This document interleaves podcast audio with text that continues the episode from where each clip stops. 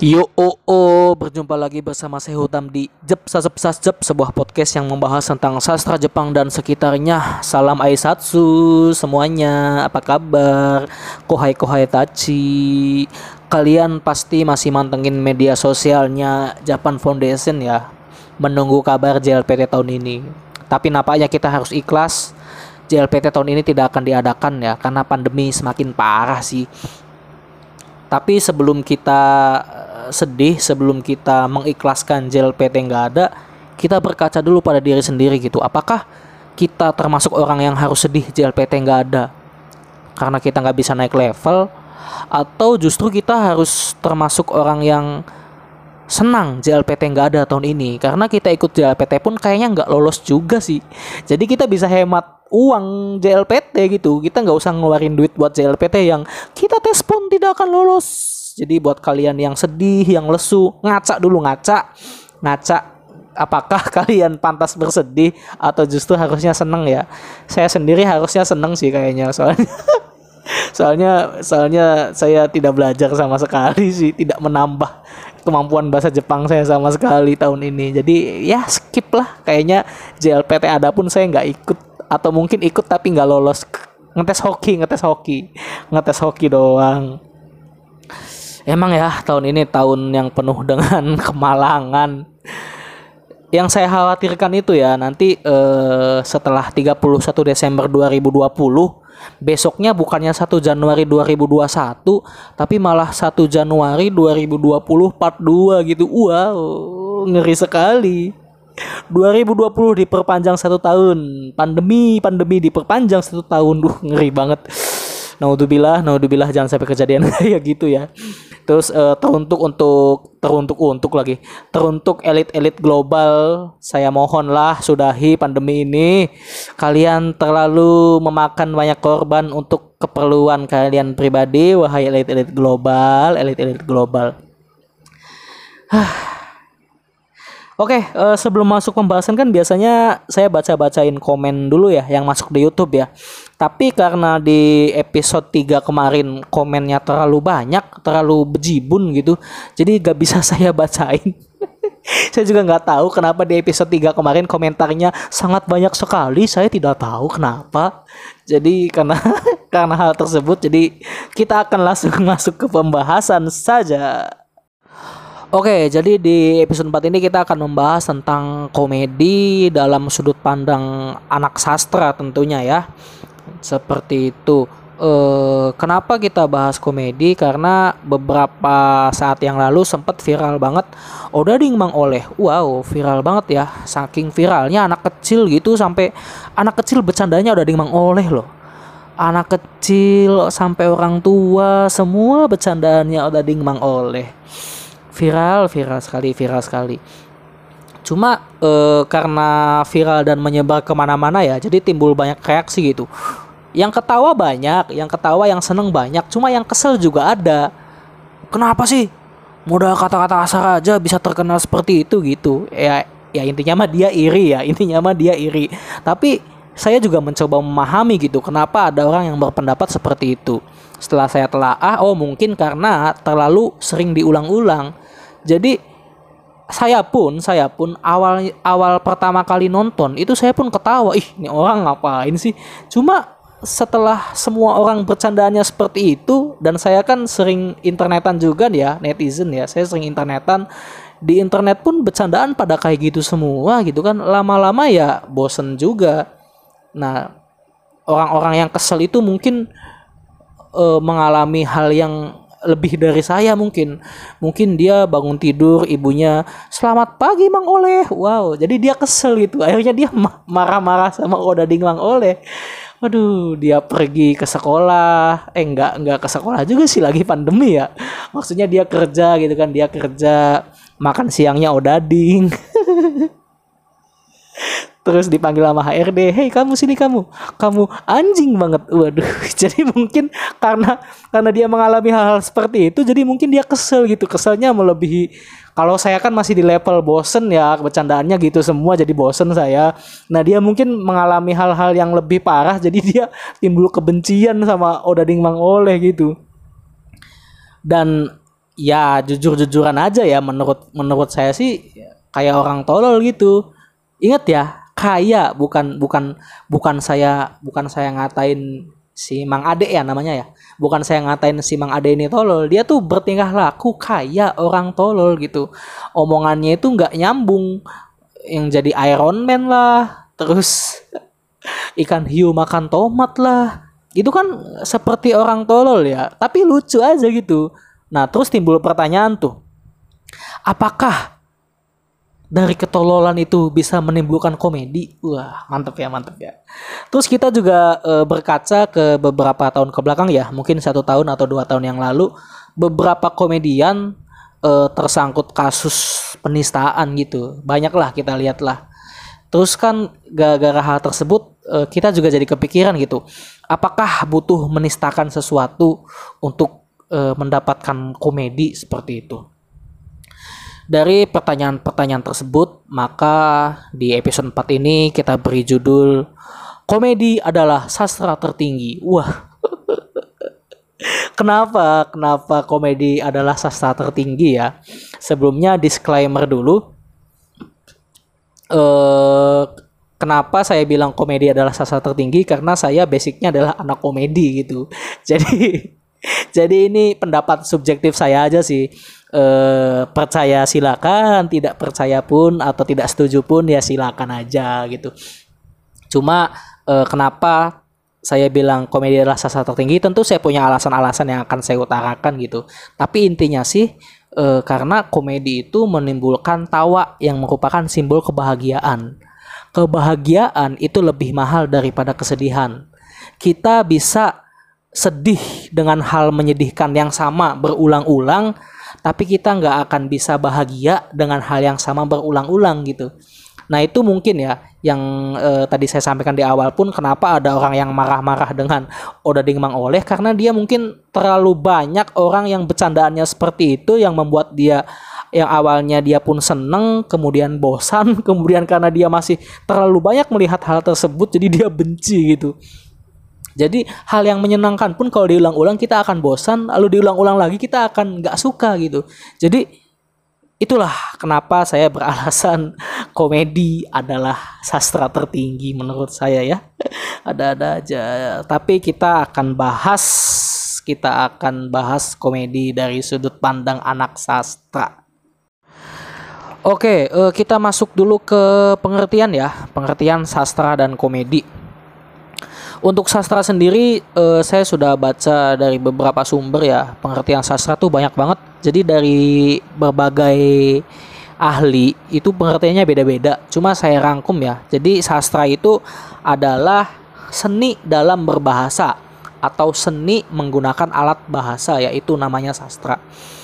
Kemudian untuk pengertian komedi saya ambil ketika saya mempelajari komedi di stand up komedi di komunitas stand up komedi ya. Di situ saya mempelajari kalau komedi itu adalah seni mematahkan ekspektasi. Jadi kita menceritakan sesuatu yang membuat orang berpikiran, oh kita nih menuju ke A nih. Tapi di tengah atau di akhir ternyata yang kita omongin itu bukan A, ternyata B. Nah itu ya, itu yang pengertian komedi itu seperti itu. Jadi seni mematahkan ekspektasi gitu. Terus di mana kedudukan komedi di dalam sastra? Jadi sastra itu dibagi dua ya. Ada imajinatif, ada non imajinatif.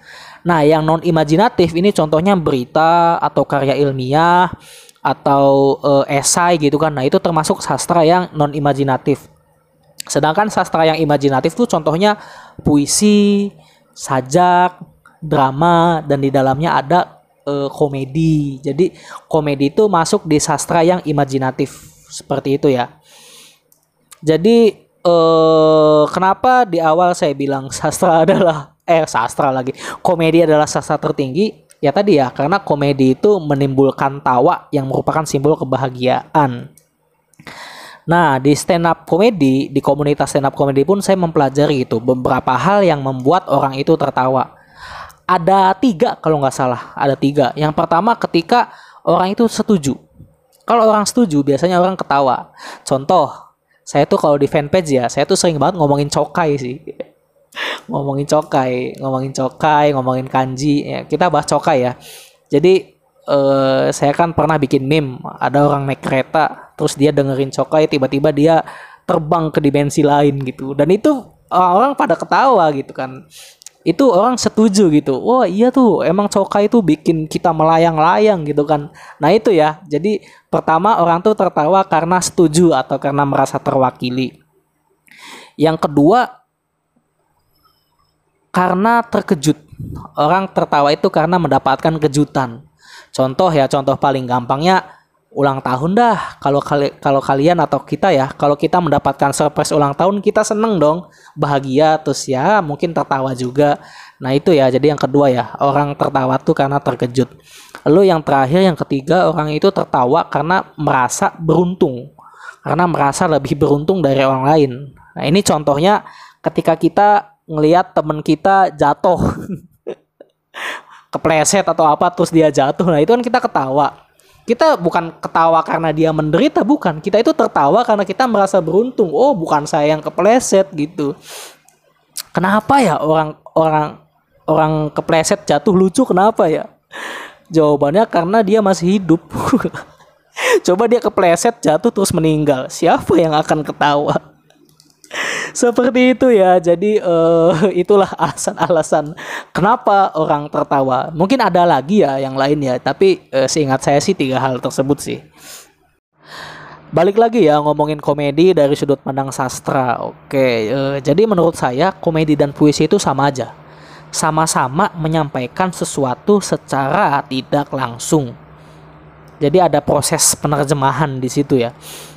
Nah, bedanya kalau komedi itu menimbulkan kesan yang lucu atau jenaka gitu. Sedangkan puisi itu menimbulkan kesan yang estetis atau indah gitu kan. Nah, kita kasih contoh komedi dulu nih yang seperti saya sampaikan di awal tadi ya soal cokai tadi ya.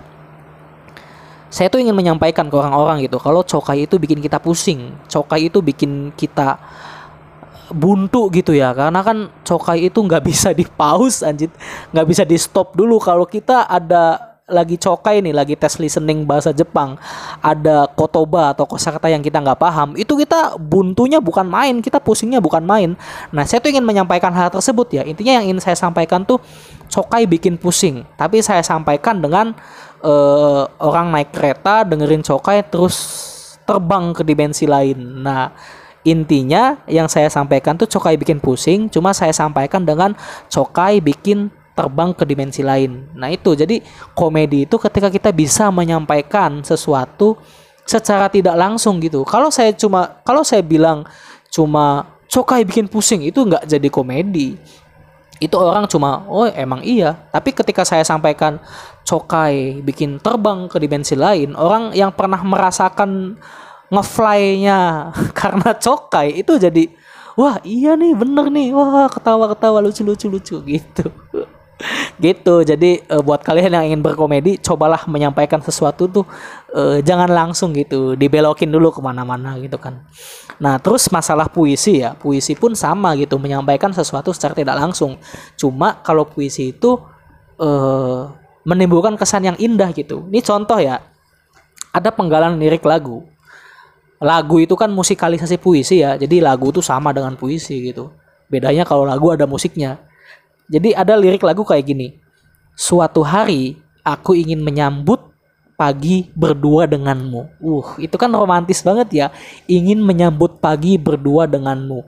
Tapi setelah saya telah ah menyambut pagi berdua denganmu, Hah? Maksudnya kan bangun pagi-pagi bareng. Maksudnya kan tidur bareng. Waduh, ternyata dia hanya birahi saja. Dia birahi lalu Lalu dia menyampaikan dengan kata-kata yang indah gitu. Intinya kan saya ingin menidurimu, tapi dia ganti kata-katanya jadi uh, saya ingin menyambut pagi berdua denganmu. Itu bedanya puisi dengan komedi. Jadi masalah masalah diksi aja ya, masalah pilihan kata sebenarnya. Jadi itu ya, masalah diksi, masalah pilihan kata yang membuat suatu tuh lucu atau indah gitu. Oke, kita balik lagi bahas komedinya. Saya jadi kepikiran gitu mungkin ya ini mungkin ya mungkin kita itu tertawa akan sebuah komedi atau sebuah jokes lah ya kita tertawa akan sebuah jokes itu adalah sebuah uh, wujud apresiasi karena kita berhasil menerjemahkan pesan yang tersembunyi dari jokes tersebut gitu. Dan itu pun jawaban kenapa kalau jokes dijelaskan itu jadi nggak lucu. Kalau jokes dijelaskan. Itu kelucuannya kelucuannya hilang. Contoh nih ada jokes di internet. Kita nggak paham maksudnya apa. Terus kita cari tuh kok ini lucu ya? Kita cari di kolom komentar jawabannya. Ketemu. Kita nggak akan ketawa. Oh paling jadinya oh itu maksudnya gitu. Nah karena yang nerjemahinnya orang lain karena ada orang lain yang menjelaskan jokes tersebut jadi kita nggak dapat lucunya. Tapi kalau kita uh, referensinya banyak, terus kita uh, apa ya banyak mengetahui tentang hal-hal di dunia ini. Ketika ada sebuah jokes dan referensi kita masuk kita paham akan jokes tersebut ya kita langsung ketawa. Beda dengan uh, kita nemu jokes kita nggak paham terus kita cari di kolom komentar ini maksudnya apa nih? Terus ketemu ya kita nggak ketawa. Karena yang nerjemahin orang lain di situ gitu jadi itu ya. Saya pribadi kalau saya nemu jokes yang saya nggak paham, ya mending skip aja lah. Ngapain dicari-cari di kolom komentar jawabannya juga. Karena kalau ketemu ya kita nggak ketawa juga, nggak lucu juga gitu. Jadi buat teman-teman yang ketika nemu jokes di internet dan kalian nggak paham, ya skip aja lah skip. Kecuali kalian ingin menambah referensi ya. Ah saya pengen tahu nih referensinya apa nih. Supaya ke depannya kalau ada jokes yang semacam ini lagi atau yang membahas ini lagi saya ketawa. Nah itu baru boleh tuh kalian gali di kolom komentar. Oh ini jokesnya. Tapi pada saat itu kalian yang nggak akan ketawa nggak akan nggak akan seneng juga gitu. Karena ya karena tadi yang nerjemahin orang lain bukan diri kita sendiri seperti itu ya, jadi komedi dalam sudut pandang sastra. Nah, kalau ngomongin soal komedi juga nih, saya tuh seneng banget sama satu anime yang anime lagi anime ya, sama satu anime yang komedinya itu wow wow wow gitu. Jadi kalau setiap orang nanya ya, setiap orang nanya ke saya referensi anime komedi, saya pasti akan jawab Gintama gitu. Karena apa ya? Gintama tuh menghadirkan sesuatu yang tidak dihadirkan di anime lain gitu. Bahkan mungkin di di di karya sastra yang lain. Teorinya kan yang saya sampaikan di awal banget tadi ya. Sesuatu yang lucu kalau diulang-ulang kita akan bosan gitu kan dan tidak akan tertawa lagi akan hal tersebut. Makanya semakin unik, semakin jarang suatu jokes akan semakin lucu juga gitu. Nah, Gintama itu anime Gintama itu menghadirkan hal-hal yang kayaknya di anime lain gak akan ada dah. Contoh nih ya, contoh di Gintama itu ada jokes tentang mayat yang masih bisa ngaceng. Waduh. ada loh. Ada loh di Gintama kayak gitu. Terus eh, kepala negara yang jadi korban bully rakyatnya. Yang di mana kepala negara kan harusnya dihormati ya di anime tersebut tuh kepala negara dihina-hina anjir dibully sama rakyatnya sendiri. Terus uh, cerita hantu tiba-tiba jadi sensei ya. Aduh jadi itu ya masih banyak lagi ya.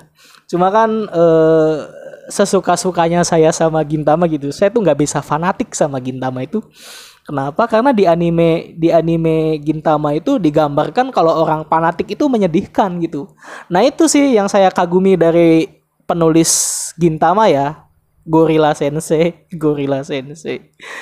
Jadi itu yang saya kagumi dari Gorilla Sensei. Dia itu bisa membuat orang ngefans sama Gintama tapi dia di waktu yang bersamaan menceritakan juga bahwa fanatisme itu sesuatu yang buruk, sesuatu yang menyedihkan. Makanya jarang atau mungkin gak ada ya fans Gintama yang fanatik gitu, yang marah-marah kalau animenya dihina. Saya kalau ada yang Ginta kalau ada yang bilang Gintama anime sampah ya saya malah mengiyakan gitu. Emang sampah sih animenya tidak jelas sekali. Uh, itu ya karya sastra komedi yang saya yang paling saya sukai ya Gintama. Seperti itu jadi uh, ngobrolnya jadi ke mana-mana ya. Uh, jadi komedi dalam sudut pandang sastra. Kalau bahas komedi lagi kayaknya panjang banget dah. Nanti dah suatu saat saya akan bahas juga tutorial membuat komedi dengan menggunakan bahasa tentunya. Kalau komedi dengan uh, slapstick atau dengan tindakan-tindakan saya tidak tidak tidak bisa mengajarkan sepertinya.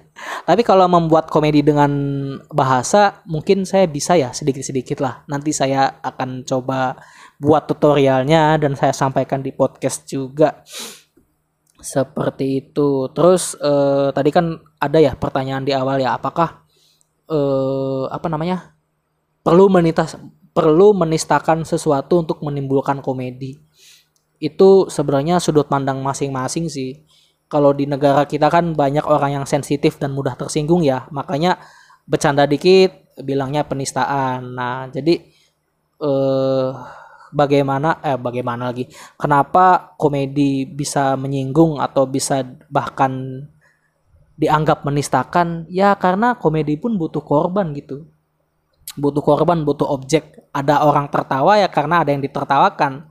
Cuma mungkin orang yang ditertawakannya nggak terima makanya jadiin kasus. Gitu kan seperti itu. Cuma buat kalian-kalian ya yang suka tersinggung dengan komedi atau dengan bercandaan ya tetaplah seperti itu gitu. Kami butuh orang-orang seperti kalian untuk jadi komedi tambahan gitu karena kan intinya komedi kan uh, apa ya pematahan ekspektasi kan. Saya tuh ekspektasinya kalau saya bikin meme orang-orang tuh pada ketawa gitu. Tapi ada orang yang tersinggung dengan meme saya ada orang yang serius dengan meme saya marah-marah. Ya saya tetap ketawa. Karena itu karena di situ ekspektasi saya patah gitu.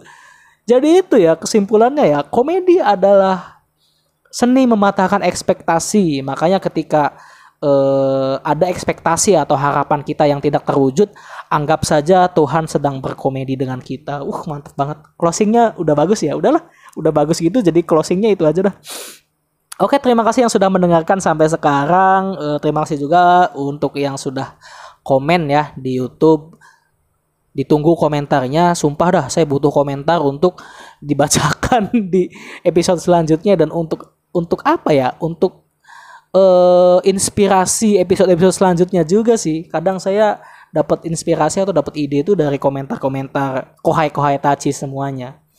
Oke, mungkin cukup itu saja dari saya untuk episode 4 kali ini. Jangan ke mana-mana ya. Jangan gimana ya? Jangan ke mana-mana ya. Tetap di Jep Sasep Sasjep uh, podcast yang membahas susah banget saya bikin closing. Gimana ya closing yang enak ya?